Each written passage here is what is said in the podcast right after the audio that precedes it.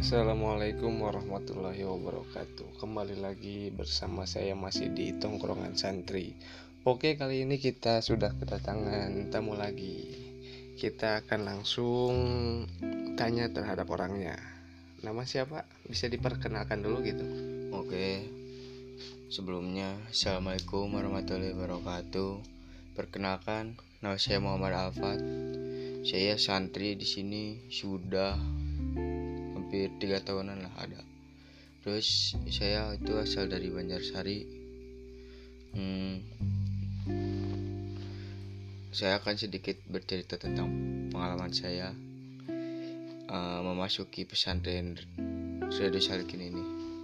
Oke, yang pertama saya itu waktu sudah lulus SD ditanya saya sama orang tua saya mau lanjutin ke mana sekolah katanya waktu itu saya hmm, bingung. Sebenarnya sih saya mau sih pesantren tapi dari hati yang paling dalam itu ingin sekolah di luar. Kenapa ingin di sekolah di luar? Karena mungkin banyak tekanan gitu dari dalam ya Hmm, mungkin. Tapi untuk yang lebih tepatnya itu banyak teman-teman yang eh, menurut saya sudah menjadi apa ya Hmm, intinya mah menjadi Orang sukses. Bukan. Gimana? menjadi seorang yang bisa memotivasi saya memotivi, memotivasi saya untuk sekolah di luar. Oh, jadi dari teman yang katakan akrab gitu ya teman akrab kamu bisa memotivasi sehingga kamu mau pesantren itu. Iya, tapi hmm, saya pikir kembali dan rundingkan kembali bersama orang tua. Dan hasil run- rundingan itu dipikskan yaitu saya pesantren. Dan awalnya awal masuk ke pesantren itu saya survei dulu bersama ayah saya ke sini waktu bulan puasa Ramadan. Kelihatan sa- santrinya pada aktif lalu melapor kepada ibu saya waktu udah langsung aja daftar katanya. Yaudah saya memberanikan diri daftar ke sini bersama ibu saya. Dan saya dipertemukan langsung dengan pengasuh pondok pesantren Redu Salikin. Dan hmm, sudah itu saya langsung berjalan-jalan di sekitar pesantren dan memperkenalkan bangunan-bangunannya. Waktu itu saya pertama kali ditemukan itu di bangunan loteng. Saya awal masuk ke sini langsung diarahkan ke loteng. kan bangunan di sini luas gitu kenapa langsung ke loteng sih Nggak tahu waktu itu ada teman itu namanya sudah kakak tingkat sih namanya Bang Aka. Waktu itu Bang Aka mengajak saya mau ngambil teropong. Katanya ayo ikut ke loteng. Waktu itu saya ke loteng dan meneropong. Tapi ke kobong ke kobong cewek ya Ha, iya itu lebih tepatnya. wajah jangan kamu yang suka noong Ah, ya enggak lah. Terus saya turun ke bawah ke ibu saya dan persiapan pulang dulu membawa barang-barang khususnya pakaian terus membawa lemari. Nah, di dari situlah saya mm, merasa apa ya? sedih gitu. Karena sedih saya itu mm, sebabnya sedih yaitu saya waktu pertama ke sini itu membawa lemari plastik yang selorok kayak gitu tapi dua tingkat saja. Itu sering dibully sama teman saya terus diduduki. Pas Kamunya? kelas enggak lah lemarinya. Terus di situ saya merasa duh tertekan hati. Langsung menangis di situ saya. Waktu kelas 7 tapi sekarang enggak lah terus menelepon kepada waktu itu Mang Sandi katanya. Siapa orang tua kamu? Ditanya. "Oh, itulah. Terus minta nomor HP-nya katanya. Ketik-ketik-ketik udah. Terus telepon. Saya di situ menangis sambil menangis dan menelepon bahwa pakaian saya sudah habis dan lemari saya sering dibully nah di situ yang dibully lemarinya oh bukan bukan. Kenapa kenapa jadi nangis? Kamunya gitu kan yang dibully lemari tapi kamu yang nangisnya. Maksudnya itu kan kamu kasihan terhadap lemarinya gitu. Enggak, sakit hati itu saya. Lemarinya cuma dua tingkat terus diduduki dipakai panjat-panjatan. Banyak pinang. Bukan. Panjat buat benerin lampu. Bagaimana si asyik tidak sakit hati? Udah plastik tepo lagi bahasa Sunda nama terus saya menelepon kepada ibu saya. Dan ibu saya seminggu kemudian membelikan lemari bukan kayu tapi triplek tapi segitu juga alhamdulillah lah saya masih bersyukur. Berarti naik tingkat gitu dari plastik ke triplek iya naik tingkat sedikit. Terus di di di kesan lemari triplek itu ada ada yang masih bully atau enggak Eh, ada. Waktu itu saya berantem itu sama namanya Aji Ahmad Poji sekarang sudah keluar. Itu berantemnya masalah lemari sama. Kan saya itu lagi beresin baju tuh. Terus tiba-tiba lemari saya pintunya ditendang dan sampai jebol. Nah, sama saya itu langsung di apa ya di gantian gitu. Jadi lemari dia yang saya sepak tendang. Nah dari situlah awal mula saya berantem berantem berantem berantem. Tiba-tiba ada yang memisahin itu. Oh Abdi Rehan. Abdi Rehan di situ memisahkan dan memisahkannya pun eh, seperti yang ngajak berantem. Jadi saya ngajak berantem duaan di situ. Itu eh, Abdi Rehan itu cara memisahkannya itu tidak eh, tidak romantis. Iya tidak memakai hati dia memakai nafsu juga. Karena dia membanting saya dan membanting Aji jadi eh, saya sama Aji sepakat untuk merempuk Rehan jadi di situ konflik mulai memanas dan datang yang besar itu eh, waktu itu Bang siapa ya? Bang Herman. Ya Bang Herman. Di situ memisahkan. Guys ulah gelut wae. Guys naon dia masalah nak? Ditanya ditanya kayak gitu saya langsung berangkat gak mau mendengarin eh, omongan-omongan dari musuh saya itu waktu dulu lah. Musuhnya berangkat ke dan masjid. termasuk tidak mau mendengar perkataan Bang Herman itu. Oh enggak. Soalnya soalnya gini kalau kalau kamu mendengar perkataan Bang Herman jadi kamu musuhnya tiga. Ya, enggak juga tuh. Karena kamu orangnya nafsuan gitu. Enggak.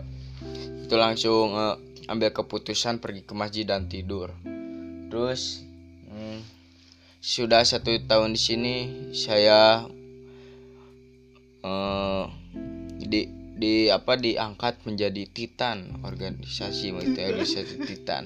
Tapi di situ saya bersyukur lah alhamdulillah mengikuti organisasi. Eh, setelah mengikuti organisasi titan itu saya itu juga hampir cekcok sama ketua titannya. Karena ada yang sakit terus saya meminta obat ke ketua titan itu tapi tidak ada obat. Nah jadi itu saya yang modali lagi modali lagi. Terus saya kepada bilang ketua, kepada ketua titan. Teh ketua tit, ketua titannya gantilah ku abi. Nah di situ dia itu apa ngomongnya kayak silet nyelekit. Ngomong-ngomong adu cekcok sama saya. Terus saya eleh ngomong terus berangkat lah udah saya di situ mengundurkan diri jadi titan tapi jangan jadi titan terus sudah beberapa mm, jam atau waktu atau hari atau tahun saya itu em, menjadi kelas 8 di kelas 8 alhamdulillah saya memberanikan diri menyalonkan ketua OSIS dan gagal. gagal. Kenapa menjadi gagal? menjadi wakil. Karena kalah sama Teh Najwa itu anak ketua yayasan hmm, saya itu alhamdulillah bersyukur naik tingkat tadinya Titan jadi wakil ketua alhamdulillah. Terus eh, dari situ juga hmm, banyak intinya mah intin intinya yaitu eh, alhamdulillah saya bersyukur bisa ikut berorganisasi. Terus mengetahui menget, apa mengetahui masalah-masalah yang ada di sekolah maupun pesantren. Tapi ada bebannya juga menjadi wakil ketua. Sering disalahin terutamanya. Karena karena apa? Karena itu orang lain yang salah saya yang salahin. Mungkin kamu mukanya ini apa penuh dengan dendam gitu. Enggak. Dan penuh dengan kedengkian. Kamu Oh. karena tiap orang yang berdekatan dengan kamu itu jadi musuh gitu bukan jadi teman enggak oh. jadi saya mah apa ya enggak suka lihat orang yang nyeleweng.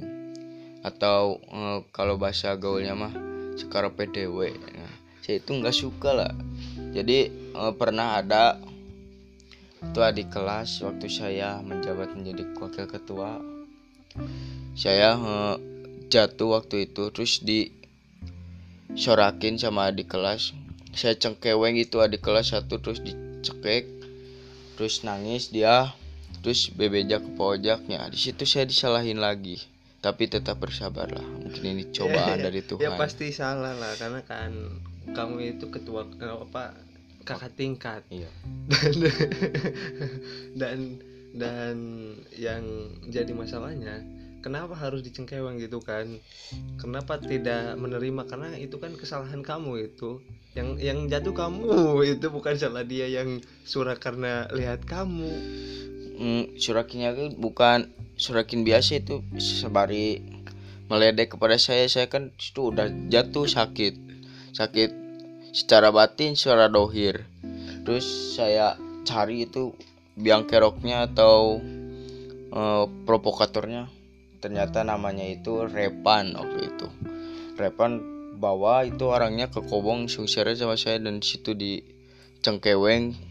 Terus eh, saya dipisahin atau disabarin sama teman saya itu Ijal terus pat sabar pat guys pat budak kene ya udah saya nyelehin terus eh, ngambil pendinginan dulu. Kan tadi panas keloteng saya pendinginan saya terus ada yang ngomong pat tayangan pojok. Itu saya turun dengan hati yang sangat uh, sesal mendekel bari lalungu.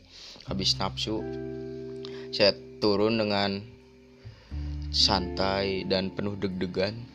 Turun. Di sana di bawah pojok sudah mm, sudah mengamuk mungkin. Terus ngomong kepada saya pat kunon ieu budak.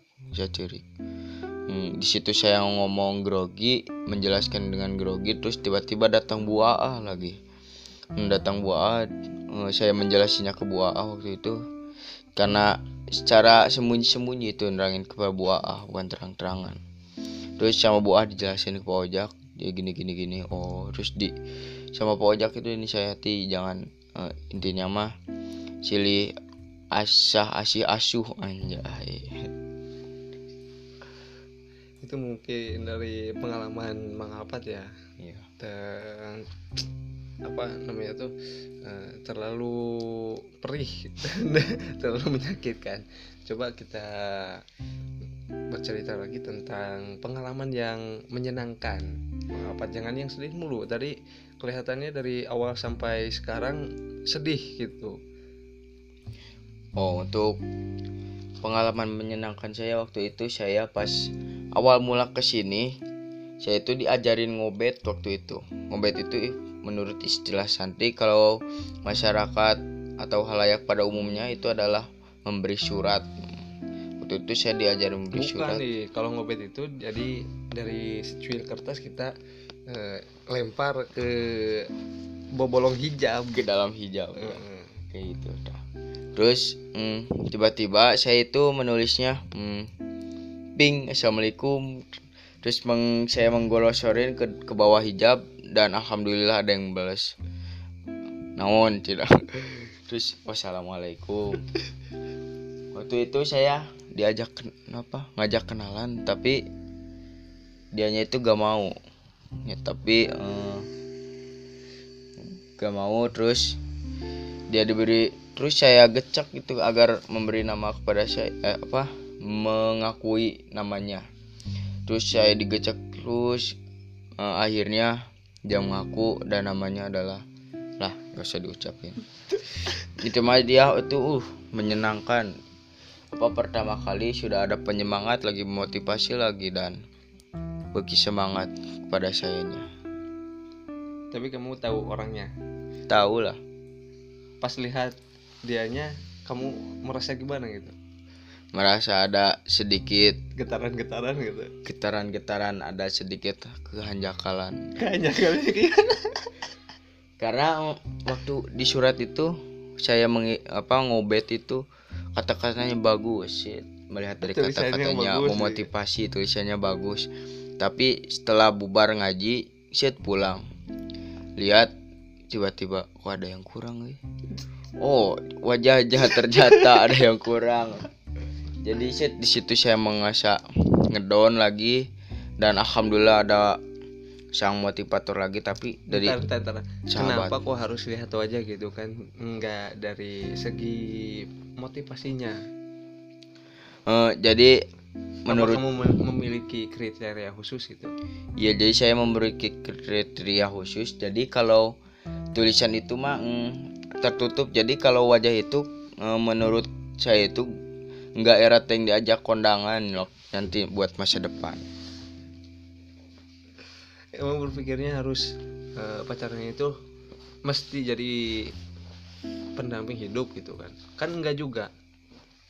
Eh, kan buat evaluasi gitu buat ke depannya ber- berarti kalau sekarangnya burik apalagi ke depannya jadi nanti menurut orang lain jadi saya itu nggak bisa milih wanita. Tuh. karena mungkin dia berpendapat seperti ini. Jadi hmm, secantik cantik secantik cantiknya wanita itu dipilih tapi sejelek jeleknya lelaki itu memilih. Mungkin dia beranggapan seperti itu. Bisa bener nggak? jadi bisa jadi. Kamu harusnya ya sadar diri gitu kan. Dan juga kan jangan terlalu apa memilih dengan pilihan yang begitu sempurna karena kan tidak ada yang sempurna. Dalam artian eh, kesempurnaan itu biarlah kita sama-sama yang menyempurnakannya. Iya, iya. jadi kita tidak memiliki batasan oh eh, cewek saya itu harus seperti ini seperti ini seperti ini. Tidak tidak seperti itu. Karena apa? Karena ketika kita memiliki seorang yang sempurna tapi kita dalam kekurangan nah itu kan jadinya malah sebaliknya. Jadi gimana ya? Kalau buat kamu misalkan kamu memiliki seorang perempuan yang cantik katakannya seperti itu. Dan kamu bisa mensyukurinya gitu dalam artian itu menjadi kebahagiaan buat kamu. Tapi sebaliknya pak ba- bagi si cewek itu apabila dia didapatkan oleh kamu bukan jadi kebahagiaan justru malah akan jadi penyesalan. Aduh aduh udahlah masalah perceraian cukup sekian. Terus perceraian. percintaan mohon maaf saudara. Eh, terus eh, kebah kebahagiaan kedua yaitu saya ketika awal ke sini diajakin ke Cilitik itu salah satu wisata alam yang terdapat di mm, kecamatan Padaherang yaitu terletak di Burujul Beh Lebak B atas lebah mah di bawah Oh. atas di di tonggo. Oh, maaf maaf tonggo. Di sana itu terdapat air terjun yang sangat jernih. Terus di sana itu eh, banyak batu-batu besar. Nah setelah saya dan teman-teman saya ke sana dan itu santri putra loh yang ke sana. Santri laki-laki di sana. Itu dipimpin oleh mm, Mang Ari waktu itu. Sekarang sudah nikah terus ke sana terus di sana bakar-bakar ayam enak pokoknya malah terus bakar-bakar ayam berenang bakar-bakar ayam berenang foto-foto. Nah lama kelamaan saya merasa gabut di situ. Saya merasa gabut. Eh, terus saya mengajak salah satu teman saya yaitu Lutfi Jaki waktu itu mengajak diajak oleh saya diajak ke agar lebih atas kan air terjun air terjun itu kan ada atasnya. Saya di- eh, mengajak untuk ke yang lebih atas. Sud- sudahnya di atas. Kamu terjun dari atas? Enggak. Saya itu eh, apa ya menjaga menjadi hanjaka lagi di saat di apa capek-capek ke atas gitu sudah di atas. Airnya biasa saja seperti kalau di sini mah di bodong jadi bagus kena dihandap lah intinya mah. Kalau ingin berlibur ke wah wisata alam Cilitik jangan suka naik-naik ke atas mata hanjaka Nah, mungkin eh, cara pandang kamu berpandangan karena kamu mem- memiliki apa patokan untuk kebahagiaan gitu. Hmm. apabila kamu tidak memiliki patokan kebahagiaan dalam dalam arti kamu memiliki yang menurut saya bahagia itu seperti ini seperti ini seperti ini nah karena kamu terpatok oleh hal tersebut maka eh, sebenarnya di Ciletik itu sangat apa sangat indah gitu kan dalam Iya. dalam dalam dalam segi apa Pandang. Heeh, pemandangan terus dari air terjunnya itu kalau menurut saya itu sangat perfect lah itu kan sangat baik. Karena saya tidak memiliki eh, patokan yang sangat tinggi seperti ke juga. Kamu kan seperti itu ke juga. Jadi kamu kamu tidak puas terhadap sesuatu karena kamu sudah memiliki patokan. Terus lah lanjut lah apalagi ini Mang Alpat ceritanya seru-seru nih Mang Alpat Oh, terus cerita balik lagi ya ke waktu saya di kampung halaman. Itu belum pesantren di sini waktu kecil itu mah. Eh, cerita agak sedih ini ya. Sedih buat sayangan tapi bahagia buat batur. Meren. Waktu itu saya itu ingin mengamuk, bukan mengamuk tapi nangis. Ingin membeli sepeda kepada ayah saya saya menangis dan dibelikan sepeda alhamdulillah. Tapi itu sepeda dari rongsok tapi tetap bersyukur saya itu alhamdulillah. Terus sorenya saya langsung pakai balap sama teman-teman saya itu. Hmm, kalau dulu itu mem- memotor GP-an katanya. Jadi saya balapan kalau apa di kebun awi tapi sebelumnya itu membuat sirkuit dulu jempingan gitu dari tanah. Dan bawahnya itu karungan tanahnya di karungan. Terus dari situ saya jempingan dan awalnya itu dicontohin dulu sama namanya Rizky Ardiansyah. Dicontohin dulu cara jemping. Dia itu eh, sampai sekarang itu dia suka sepeda jempingan BMX. Terus saya diturutin dicobain jemping dari situ dan tiba-tiba sedang saya potong terus saya terjatuh ke dalam solokan itu. Nggak deket nggak jauh dari sirkuit itu saya ter apa terjengkang dan sepeda saya masuk solokan dan saya menangis. Terus pulang-pulang saya bukan di apa di di itu apa dibantuin sama teman-teman buat membawa sepeda tapi saya membawa sendiri. Dan ditinggalkan? Iya ditinggalkan. Itu agak jauh dari rumah saya itu. Saya nangis kotor-kotoran padahal nggak hujan nggak apa. Saya kotor sendirian. Karena kesolokannya iya karena kesolokan. Terus setengah potong setengah dari- potong. Balik dicarikan ke kolot jika ya. kolot. Jadi eh, pulang membawa tangan kiri membawa setang dan kanan membawa sepeda. Di situ ada salah satu warga menanya Sugante bade ngabantu ngabantosan hek teh.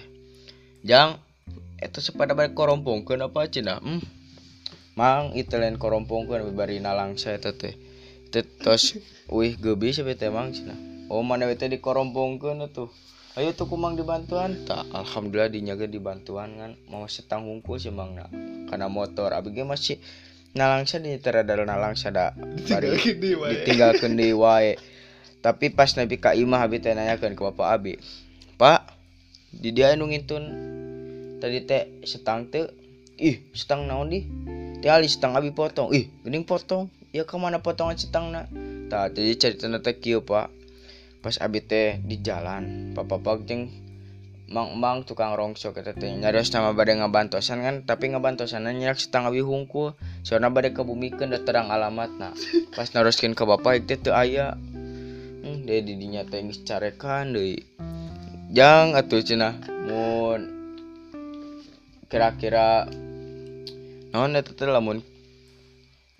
Kira-kira butuh bantuan mah nyarios ka bapak jauh nah teh hmm, si bapak kumaret nyarios ngan jauh ti imah terus eh, beberapa tahun kemudian saya itu itu sebelum itu ya sebelum SD TK terus tahun setelah sebelum se, se ke depannya atau beberapa tahun ke depannya itu saya sekolah agama dan kelas 5 itu saya alhamdulillah ranking 3 di situ saya meminta ingin sepeda sepeda lipat tapi sepeda lipat alhamdulillah. Terus di situ saya pas saya lagi bersama adik saya. Karena peributan sepeda langsung saya mengalah di situ langsung uh, sepeda lipatnya dikasihin ke adik saya dan saya uh, beda sekolah agama pak kan? Uh, ada saya ke arah kiri kalau saya ke arah kanan. Tapi sama lah arah sekolah agama jaraknya beda. Saya di situ terpaksa jalan kaki dan adik saya bersama teman-teman sama bersama teman-teman saya menggunakan sepeda. Di situ saya hmm, agak sedih lah apa saya yang ranking 3 saya yang berjuang terus adik saya memakai sepeda. Sedih di situ terus berlanjut pada kelas 6 saya udah agak itulah agak dewasa lah agak. Terus saya di situ lagi berjuang lagi dan ngurangi tadi ranking 3 menjadi ranking 4 tapi saya berusaha keras untuk ngamuk kepada orang tua saja saya agar dibelikan sepeda terus waktu itu saya dibelikan sepeda mereknya elemen pada gunung itu. E, meningkatlah tadinya lipat menjadi gunung. Terus saya diajakin sama oh enggak enggak. Oh iya diajakin sama teman-teman saya untuk pedahan ke mm, kayu putih. Di sana ada wisata alam kayu putih sama sama cilitik air terjun. Saya ke sana bersama teman-teman saya uh, seru-seruan di sana terus pulang terus seminggu sesudahnya terus saya apa ngembok uh, apa ketabrak motor. Jadi gini asal mulanya ketabrak motor. Saya itu uh, ingin main PS main PS nya ya. Tapi ngomong kepada bapak saya itu ingin main kaleci terus saya meminta uang kepada bapak saya untuk mm, lima ribu untuk membeli kaleci. Pak bukan artos lima ribu kanggo ngadu kaleci. Oh iya kan kade lohor kudu ngasuwi Nah dari situ saya jam 9an kira-kira 9 pagi saya bangga di situ pepedahan langsung jauh ke tower set pedahan jauh. Uh, adalah 2 me 2 km saya pedahan terus mau pulang tapi udah jam udah ada nih hmm, saya bingung di situ karena takut diomelin langsung saya bablaskan ke PS dan membawa uang 5000 itu dan tiba-tiba saya tertabrak motor waktu nyebrang di depan Pucal Cahyani di Banjarsari. Saya tertabak, saya berusaha untuk bangkit tapi tur masih nyeri dan saya gogoleran di situ. Untung ada mang-mang yang membantu saya, mang-mang tukang parkir di Cahyani itu. Hmm, jangan kada Cina. Set saya dibantuin ke sisiin dan membawa sepeda saya. Tapi anehnya bapak saya itu bukan ngomelin ke saya sepedanya. Oh, ngomalinya ke saya jadi bukan ke yang nabraknya. Yo siapa datang tong dibobodol gerak menang mulinya carikan kos gitu gerang saya nyelekit terus teh. Ditanya lagi sama uh, bapak saya mana beli kali cite gening gue tuh kene nah situ saya menangis merintih kesakitan gak bisa jawab apa-apa karena sakit. Terus yang menabrak saya itu menghampiri saya dan alhamdulillah mengasih uang untuk berobat. Tapi 20 ribu coba. 20 ribu mah buat beli betadin ge beli dua. Terus saya pulang bersama bapak saya bapak saya membawa sepeda saya angkrian-angkrian sama tukang parkir Cahyani di sana. Sudahnya di rumah saya itu saat duhur terlebih dahulu dipaksa dipaksa. Oh, uh, oleh bapak saya agar sholat jamaah ke masjid saya dipaksa. Terus waktu itu saya jamaah ke masjid uh, tapi bari membawa apa tong uh, tongkat bukan tongkat buat yang kakinya sakit nih gitu. Uh, di disimpan di sela-sela kelek terus beri berjalan ke masjid yang kalian-kalian sakit. Saya sholat nah duduk. Waktu saat duduk saya terus rapi sholatnya. Beres saya pulang ke rumah. Waktu pulang ke rumah tiba-tiba pintunya dikunci itu. Nggak ada siapa-siapa. Eh, pas di, di saya nanya kepada tetangga saya namanya Nini nih ini ke mana sih bapak sama si mama? Sama adek oh tadi katanya mau ke Pangandaran beli ikan. Di situ saya terpaksa eh, berapa jam? Tiga jam kali da- dari sudah lohor sampai jam tengah tiga. Di situ saya diam di luar tidur tiduran gimana? Hmm, nelangsa boy. Saya kaki sakit tinggalin. Ke Pangandaran lagi hmm. terus pulang bapak saya ke sini. Jang cina. Eh a ngantosannya maaf jantos di Pangandaran. Di situ saya merasa sakit hati. Nangis lagi di situ wajar lah. Masih budak dunia nangis lagi di situ saya merintih. Terus mas diomelin lagi itu sama ayah saya. Masih jagoan nangis katanya. Hmm, di situ langsung saya pergi ke kamar tutup pintu tidur. Sit tidur. Bangun-bangun asar dibangunin sama ayah saya digedor-gedor. Terus itu alham non sinarian gitu bahasanya bahasa Sundanya. Ayah saya mengajak ngajak mancing atau ngusup di kali pucang. Terus waktu saya ngusup hmm, ngusup dapat ikan. Ikan apa? Keting. Keting tapi banyak terus gede-gede lah sekitar tiga jarian tiga jari tangan. Terus saya pulang ke rumah digoreng itu eh, ketingnya.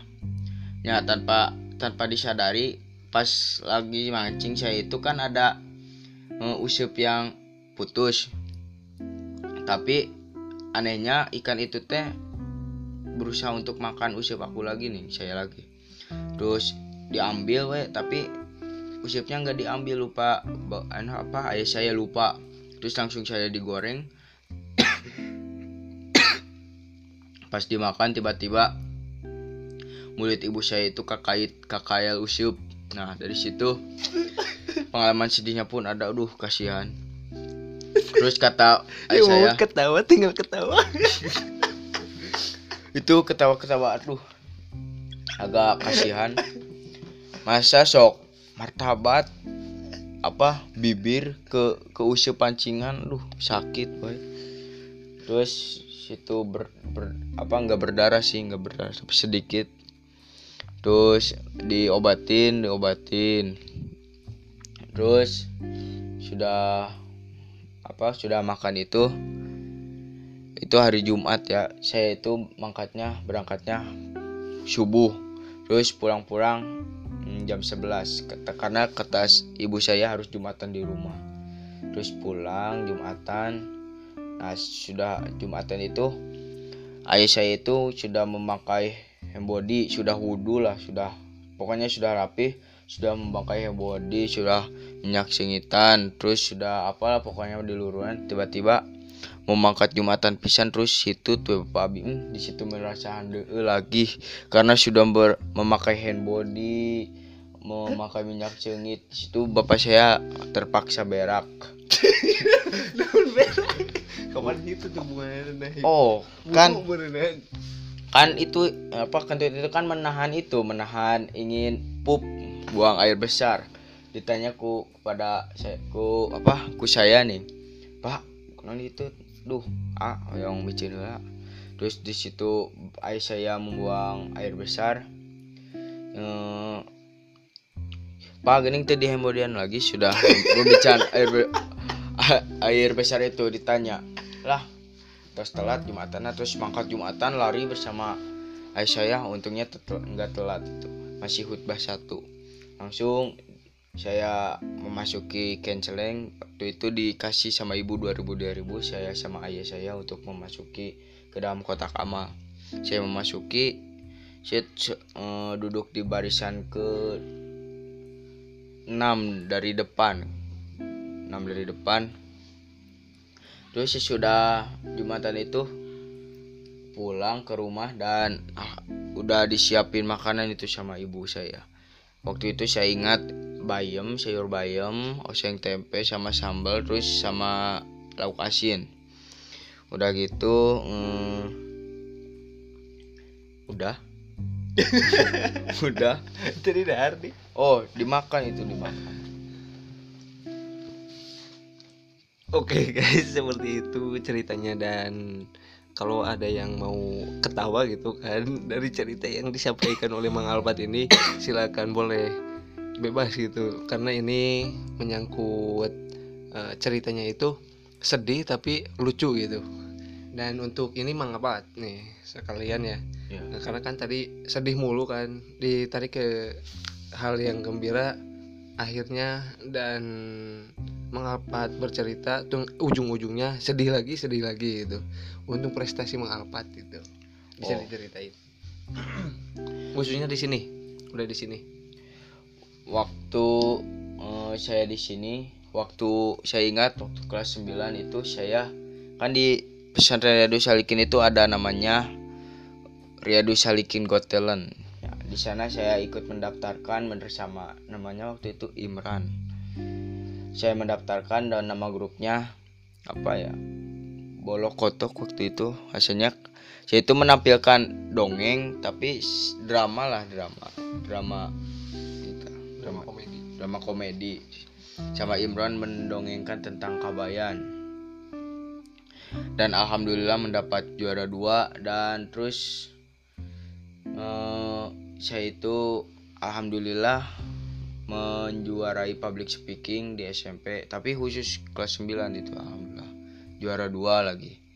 Terus eh, dapat apa best behavior ketiga itu akhir akhir saya di di SMA di SMP Dharma Satria. Waktu itu sambil eh, apa beres semester 1 kelas 9 saya dibagi alhamdulillah saya best behavior ketiga waktu itu. Terus mendapat peringkat agak memuaskan lah. Ranking 17 waktu itu. Bukan memuaskan itu mah tapi alhamdulillah itu naik alhamdulillah. Nah maaf sekarang kan sudah di SMA ya. Iya. Untuk kesan Mang Alpat sen- ter- sendiri gitu kan dari SMP Dharma Kesatria itu seperti apa? Jadi eh, SMP Dharma Satria itu menurut saya itu eh, salah satu sekolah mungkin ya yang di ada di Jawa Barat yang mengajari tentang intelektual, cara kepemimpinan, cara berpemim menjadi pemimpin. Terus eh, bagus juga di situ sekolahnya karena guru-gurunya juga masih muda-muda. Terus sepertinya hanya satu di SMP Dar di seluruh Jawa Barat itu program di setiap SMP itu hanya SMP Dharma Satria mungkin yang memiliki program public speaking, IO, CKPM, pokoknya mah pokok nama banyak lah. Eh, menurut saya itu hanya ada di SMP Dharma Satria. Maka dari itu eh, jika ingin sekolah yang lebih bagus, lebih belajar mandiri, lebih ingin mengedepankan Alakul Karim. akhlakul intelektual dan jiwa kepemimpinan itu hanya di SMP Dharma Satria menurut saya itu SMP Dharma Satria The best ya. iya the best pokok namanya Udah ada lagi nggak yang mau diceritain? enggak lah cukup sekian lah dari saya Assalamualaikum warahmatullahi wabarakatuh Oke guys, terima kasih ya terhadap Mang Alpat yang sudah menyempatkan waktunya dan bercerita terhadap kita semua di tongkrongan santri. Oke, kita kembali lagi di episode yang akan datang. Terima kasih.